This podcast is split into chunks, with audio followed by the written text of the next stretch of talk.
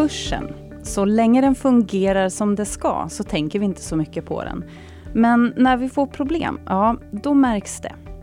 Ett sådant problem är tinnitus som uppges drabba omkring 15 procent av alla vuxna i Sverige. Vad är en normal hörsel och vad är det som händer när man helt plötsligt börjar höra besvärande ljud på insidan? I den här podden ska vi tala mer om det här och därför har vi bjudit hit Jonas Brännström, forskare vid Lunds universitet vid avdelningen för logopedi, foniatri och audiologi. Välkommen hit Jonas! Tack så mycket! Det var många knepiga ord sådär i början. Ja. Kan du reda ut? Ja, alltså logopedi det är ju helt enkelt de som sysslar till exempel med att utreda barn som har dyslexi eller jobba med de som har flödesstörningar, till exempel stamning och sånt. Foniatri, det är lite mer medicinska när det gäller rösten. Så att det kan till exempel vara de som sysslar med att se vad är det som händer inne i det som vi kallar för larynx, alltså struphuvudet. Och sen har vi audiologi som är i princip allt om hörsel. Så. Just det. Mm. Det finns lite connections däremellan. Lite. Det gör det absolut och mm. framförallt eh, kan man väl säga att det tydligaste är ju med logopedi till exempel. Logopedi kan man tänka sig att det är språk ut medan audiologi är språk in. Så att det hänger ihop.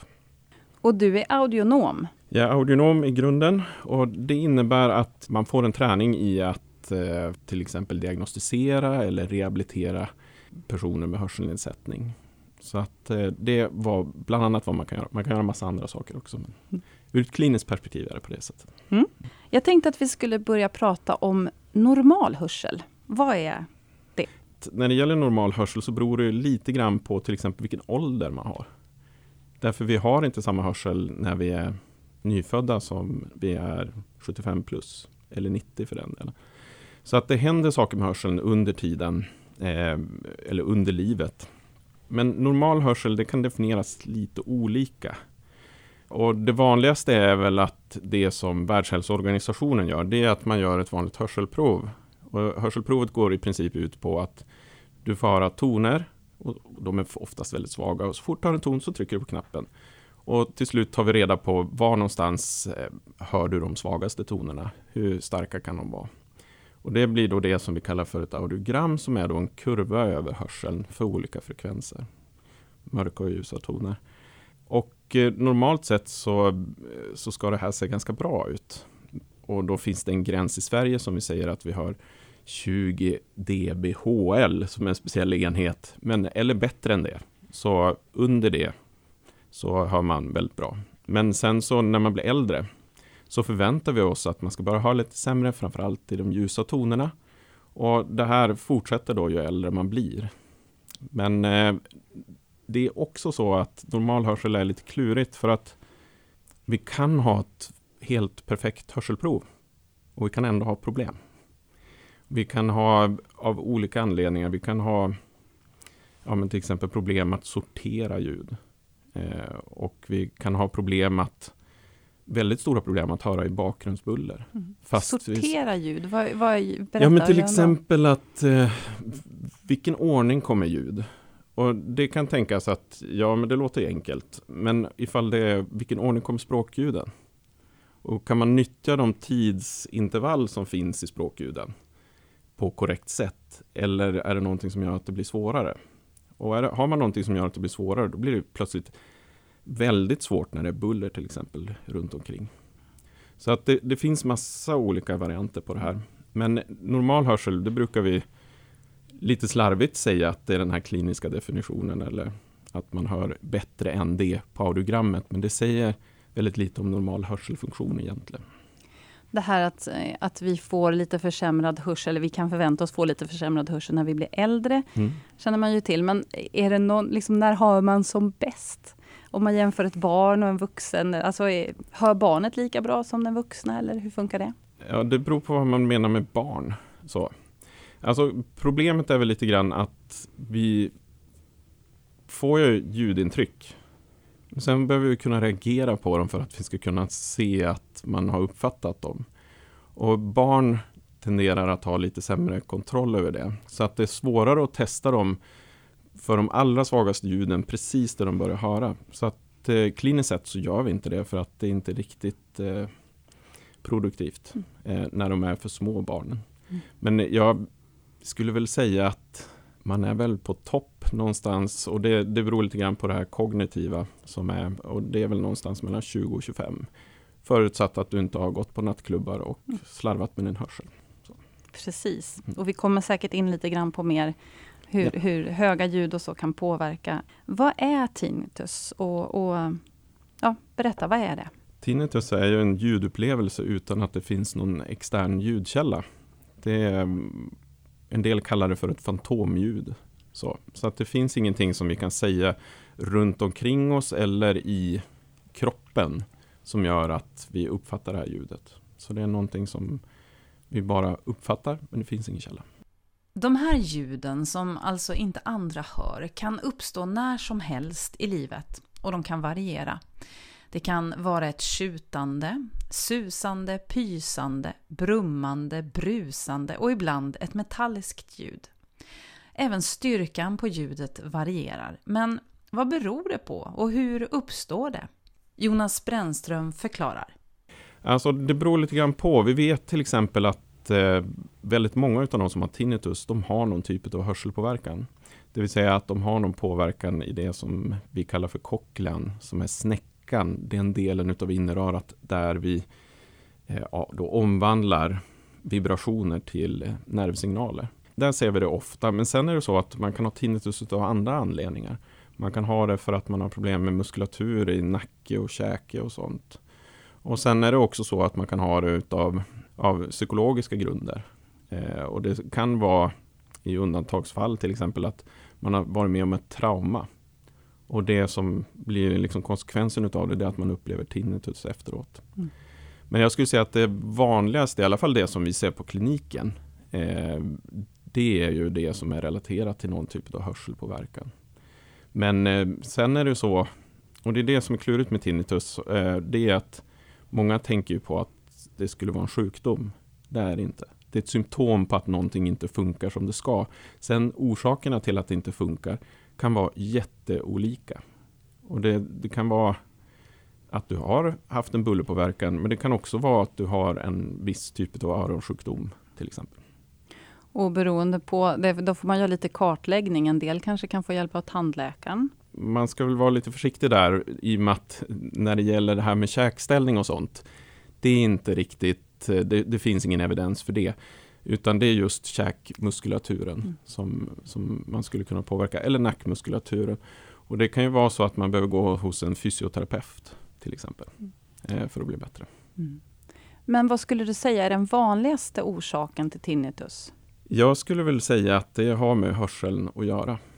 Det skulle jag säga att det är det vanligaste. Jag har nog inte riktigt sett någon studie som har tittat på exakt hur de här fördelar sig. Eh, måste jag säga. Men i och med att de...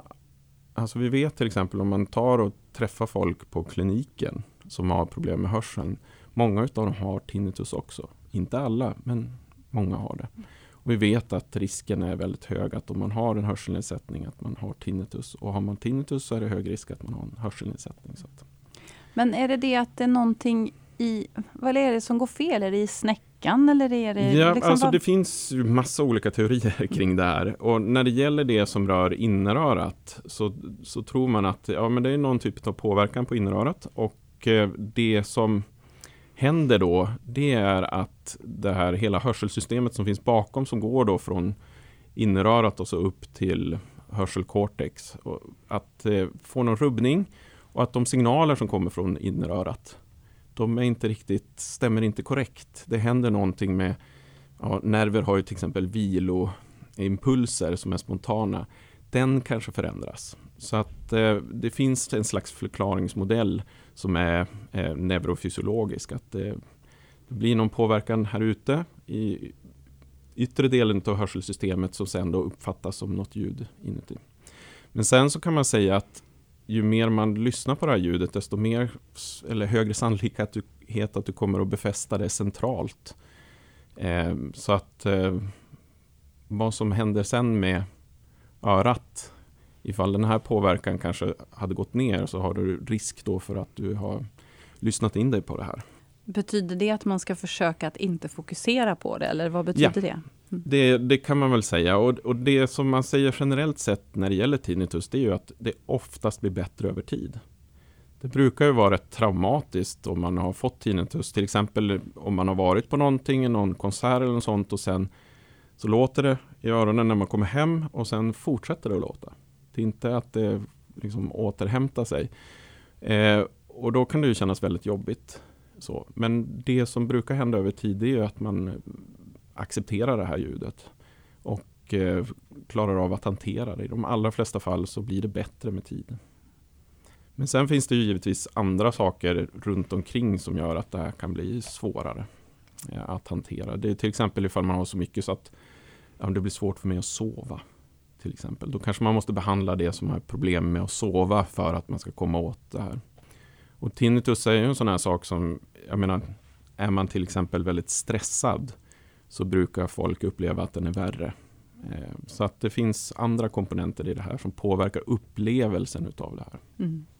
Men hur är det då för de som drabbas? För jag tänker att ibland så kanske man känner att man vill ha en, jag vill ha den här lösningen. Men Ja. det låter på dig som att det, det kan vara ganska många olika tillvägagångar för Ja. att liksom hitta... Absolut, det kan det vara. Och det som, alltså min erfarenhet är, det är att de här externa lösningarna, att man till exempel skulle hitta någonting yttre som förändrar hela den här upplevelsen, det, det är väldigt svårt att göra. Det handlar mycket om att eh, kunna hantera det här och att acceptera eh, det. Gör man inte det, ja då kommer det här att bli ett, ett större problem som växer med tiden kan man säga. För du, har ju, du jobbar inte kliniskt idag, men du har Mm. jobbat kliniskt. Vad Mm. ger man för råd till patienter som kommer att ha drabbats? Ja, det beror lite grann på vad de har för hörsel. Har de jätte, jättebra och har tinnitus, ja då är ju rådet helt enkelt att, eh, ja men till exempel har du, går du hemma och pysslar, det är alldeles knäpptyst, eh, då kommer du höra din tinnitus väldigt bra och då kanske alternativet är att ha någonting i bakgrunden som maskerar det lite grann. Har du en hörselnedsättning, ja då kan du då kan du dels ha problem med hörselnedsättning men sen kan du ha problem med tinnitus också. Och då är det eh, en sak som man kan prova det är ju att prova hörapparater. För att då kommer du få in mer ljud i, i hörselsystemet och då kommer det att maskera lite grann. Så att eh, ett bra tips det är ju att undvika tystnad. Därmed inte sagt att man ska liksom ha jättehögt i lurar eller sånt, för det är skadligt för hörseln. Så att eh, det är någon slags måtta där. Men det, det finns ju till exempel att man kan ha ja, men någon typ av ljud när man ska somna om man tycker att det låter väldigt mycket då. Finns det ärftliga komponenter? Kan man se att flera i samma familj drabbas eller är det mest miljöpåverkan? Oh, det är en bra fråga. Eh, och jag säger nog att jag inte riktigt vet svaret på det. Men jag tror inte att jag har sett någonting som säger att det är liksom ärftligt. Däremot är ju vissa hörselnedsättningar ärftliga. Så att, eh, och en del hörselnedsättningar så ökar då risken att man får tinnitus. Så att då kanske det finns någon slags komponent i det. Men då skulle jag väl säga att då är det kanske hörselnedsättningen som är ärftlig, inte symptomen av den. Hörseln kan ju användas för fler saker än att bara lyssna. Absolut. Vad, vad, be- berätta. Vi kan höra saker, vi kan liksom detektera saker. Ifall någon skulle komma in här och öppna dörren, då skulle vi automatiskt liksom vända oss om och titta på vem är det som kommer in. Det är att detektera ljud. Sen kan vi lyssna och det är en aktiv vilja att rikta uppmärksamhet på det som sägs.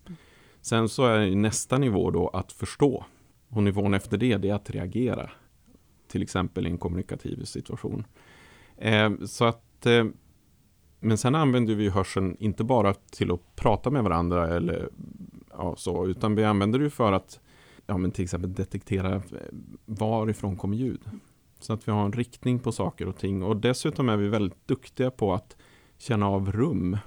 Eh, hur de, ja, ungefär hur de ser ut beroende på vad de har för eh, egenskaper som vi kan uppfatta.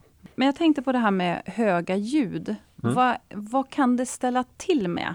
Vad är det som ors liksom blir det vävnadsskador? Vad är det som händer? Ja, alltså vi kan väl säga om vi pratar om buller generellt sett, så buller är ett oönskat ljud. Så. Och sen kan det då vara ja, men, lite irriterande eller inte alls irriterande, men det är ett oönskat ljud och sen kan det vara hörselskadligt. Eh, och då, när det är hörselskadligt, då är det så pass mycket energi över eh, den tid som är att det blir helt enkelt skadligt för vävnaden. Och eh, då är det dels skador som uppstår för att ja, det sitter små hårceller inne, i örat. De kan få ja, knäckas, de kan skada sig. Men sen är det också så att om man utsätts för buller länge så verkar det ändra på ja, metabolismen i de här cellerna också så att de blir sämre helt enkelt. Har man blivit bullerexponerad om man är försöksdjur så, ganska starkt, då ser vi efter en tid att storleken på hörselnerven den blir mindre. Så att vi får någon påverkan efteråt eh, utav det här. Och det är framförallt de här synapserna, då omkopplingsstationerna från hårcellerna till nerven som påverkas i det här. Och de blir, verkar bli färre. Okay. Och vi vet inte om det är så för vuxna också, eller vuxna ja. för människor. Mm. Är det så då att när man precis har utsatts för det, att man skulle kunna liksom eh, på något sätt stoppa den där inflammationen, eller vad är vad, vad som sker? Att man skulle kunna ta något förebyggande då? Nej, det, det förebyggande du ska göra det är att använda hörselskydd. Så, eh, och det här är liksom en... Det finns väl några saker som man kan göra preventivt. Men det, det, måste du göra innan och det som ger absolut störst effekt det är att använda hörselskydd. Så att det är lite så att när du väl har exponerat dig för mycket så är det redan för sent. Det finns ju sådana här olika appar som mäter decibelnivåer och sånt. Mm. Kan det vara en idé? Liksom att, finns det några rekommendationer eller har du några rekommendationer på Nej, det har jag faktiskt inte. Jag har läst några sådana studier där man har liksom undersökt apparna och ser hur bra, hur tillförlitliga är de. Ah. Så, och det, det kom en för, ja, vad kan det vara, ett halvår eller ett år sedan. Eh, och där så, det, det, var någon av dem som var, verkade riktigt bra. Men det som vi... Alltså när apparna började komma så såg vi att de var inte alls i liksom fas. Mm. Utan... Så det kan ju bli falsk trygghet då ja, också? Ja, mm. precis. Och det som kan vara med sådana appar det är att man måste på något sätt kunna kalibrera dem mot någonting annat. Och då måste man veta vad en viss ljudkälla har för nivåer för att man ska kunna göra det. Mm. Så att det, det, kan vara lite svårt. Men när det gäller, ja men till exempel om man går och lyssnar på saker i sina hörlurar på stan.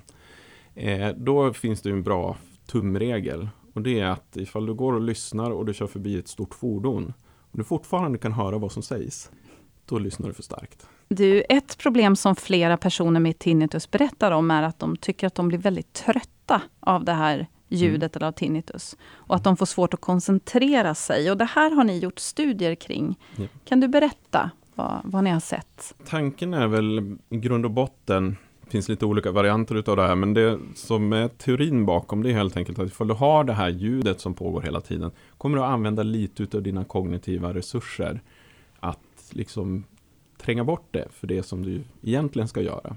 Och Din... kognitiva resurser bara? Ja, men till exempel att hålla saker i huvudet, att eh, utföra uppgifter, att mm. koncentrera mm. sig och så vidare. Mm. Det blir svårare ifall man har det här ljudet. Och det har man ju testat tidigare i, i olika typer av studier och eh, då har man ofta sett att ja, men de som har tinnitus, då jämför man dem med en kontrollgrupp som består av individer som inte har tinnitus. Och så tittar man till exempel på eh, hur bra eh, förmåga att samtidigt bearbeta och lagra information har de. Och hur snabba är de på det. Och då ser man att de med tinnitus, ja de kanske är lika bra på det, men de är lite långsammare. Eh, problemet med alla de studierna har varit att de har inte riktigt haft eh, järnkoll på hur man hör. Och eh, det är ett problem därför att det börjar komma ganska mycket evidens, alltså resultat från vetenskapliga studier som säger att förmågan att använda våra kognitiva resurser då påverkas av hur vi hör. Så att det finns en relation mellan ifall man har till exempel en hörselnedsättning och kognitiva resurser. Så då blir det en faktor som påverkar liksom på ett håll. Det är kanske inte bara tinnitus utan det är kanske hörselnedsättning också. Då är det svårt att svara på frågan.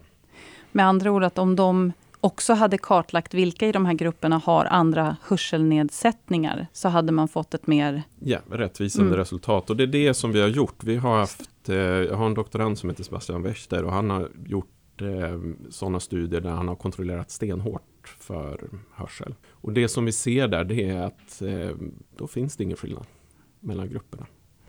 Utan det som spelar roll det är grad av hörselnedsättning och då i frekvenser som vi vanligtvis inte testar på kliniken. Men det som vi fortfarande vet är ju att de här testpersonerna vi har, de säger ju det här. Att jag blir påverkad ändå. Så att det finns ju någonting där, bara för att vi inte kan testa det med de tester vi har så betyder det ju inte att det inte finns. Utan det är ju snarare att vi har vissa tillkortakommanden när det gäller metoderna. Men det, det, är ju säkert så att det finns någon slags emotionell komponent i det här också, som, jag, som påverkar. Ni forskar också på det här med störande bakgrundsljud mm. eh, och hur vi uppfattar bakgrundsbuller. Mm. Ibland när man pratar buller så tänker man det här mm. bullrande som är utomhus. Eller. Mm. Men eh, berätta bakgrundsbuller, vad, vad är det ni har undersökt? Då? Det vi gör nu, det är att vi går ut i skolor Eh, och så testar vi det barns hörförståelse, det vill säga om de lyssnar på en berättelse och sen ska de besvara frågor på det. Sen så när de har gjort det så går vi därifrån och är borta någon vecka och så kommer vi tillbaka och så ställer vi samma frågor igen. Eh, och så gör vi det i tystnad och i buller. Och då eh, är vi intresserade av att se ifall det finns en påverkan på hur mycket man kommer ihåg. Dessutom då i relation till till exempel språklig förmåga. Det vill säga är du enspråk, eh, alltså svensk enspråkig eller är du flerspråkig?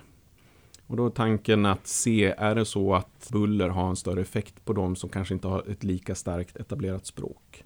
Så det är en typ av studier vi har gjort. Mm. Sen har vi frågat ja, skolklasser vad, alltså hur de upplever sin eh, miljö. Vad har ni fått för resultat? Man blir sugen på att höra Ja, det är inte riktigt publicerat ännu. utan jag sitter på ett manus som ska in snart. Ja.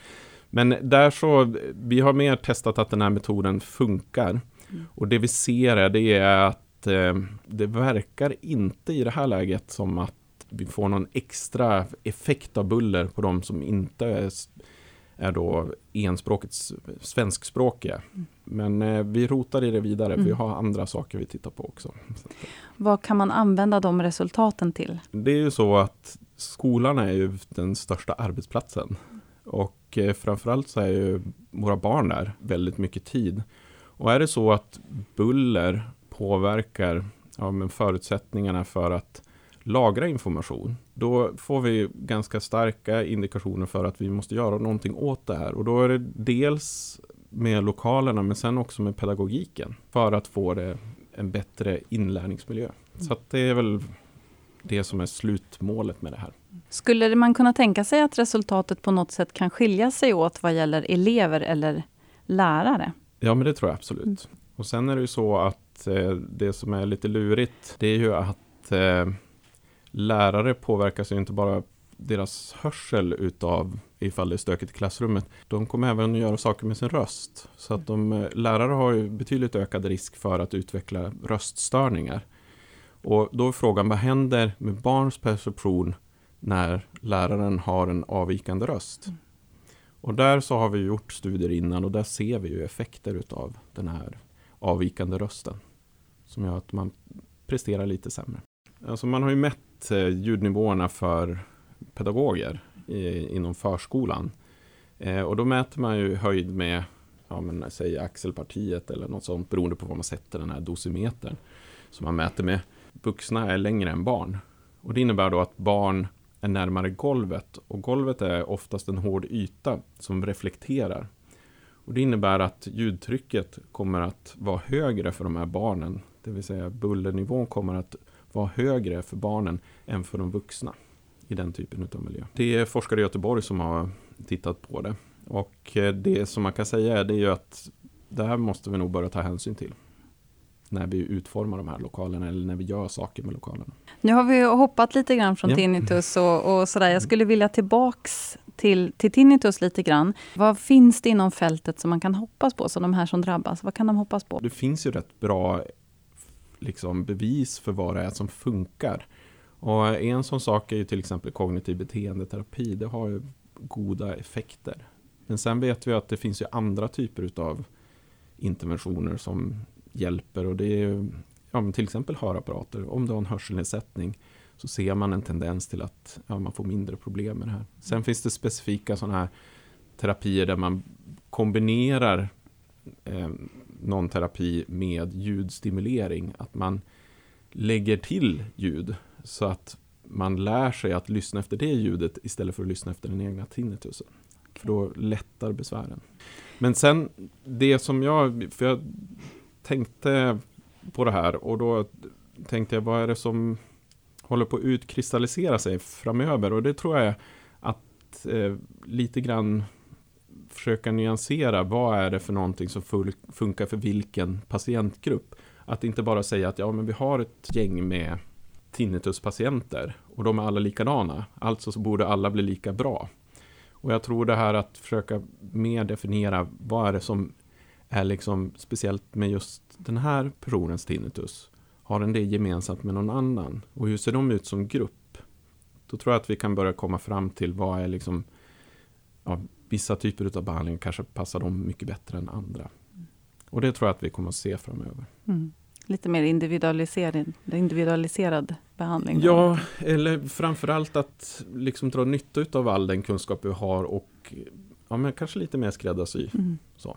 Mm. Även om vi på gruppnivå ser att folk blir bättre så är det ju alltid några som blir bättre och några som in, kanske inte alls påverkas utav det. Mm. Så att det är de man får försöka fånga.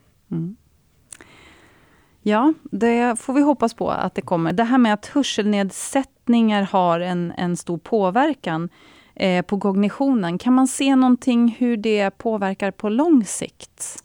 Ja, det börjar ju faktiskt finnas lite studier som tittar på det. Och det verkar som att eh, man ska inte säga riskfaktor, men det är en friskfaktor att ha god hörsel när man tänker på demens. Eh, det finns eh, lite studier som tittar på, och som är då väldigt välkontrollerade, som tittar på vad händer om du har en hörselnedsättning. Vad händer över tid med risken för att utveckla demens? Och den, ju sämre du hör, desto större är faktiskt risken. Även om du då har eh, ja, men tagit bort andra riskfaktorer. Så, så att det finns någon slags koppling mellan ja, men sensoriskt intryck och hur vi stimulerar hjärnan. Och sen om det beror på att det är på precis så det går till, att ja, när hörseln försvinner så ökar risken. Eller om det är att det finns en gemensam sak bakom det här som ökar då risken både för hörselnedsättning och demens. Det vet vi inte. Men vi vet att det finns ett samband. Sen vad det beror på, det vet vi inte. Och det är därför vi försöker säga att det är en frisk faktor. För vi vet inte riktigt om det är, ja, men hur hörseln spelar roll i det här. Men det verkar som att risken är lägre hos de som har väldigt bra. Och det innebär också att om man tänker, ja, vad kan man göra själv? Det är ju att man ska ta det, man ska vara lite uppmärksam på sin hörsel. Och eh, är det så att man upplever att man har problem, ja då ska man söka hjälp för det. Som det är idag så söker man ju tio år för sent. Så att det hinner gå tio år från den punkten där man egentligen borde ha sökt hjälp till att söka hjälp. Och eh, det är som med allt som eh, ja, men rör demens, så vitt jag förstår när jag pratar med de som sysslar med det, det är helt enkelt att man måste börja i tid.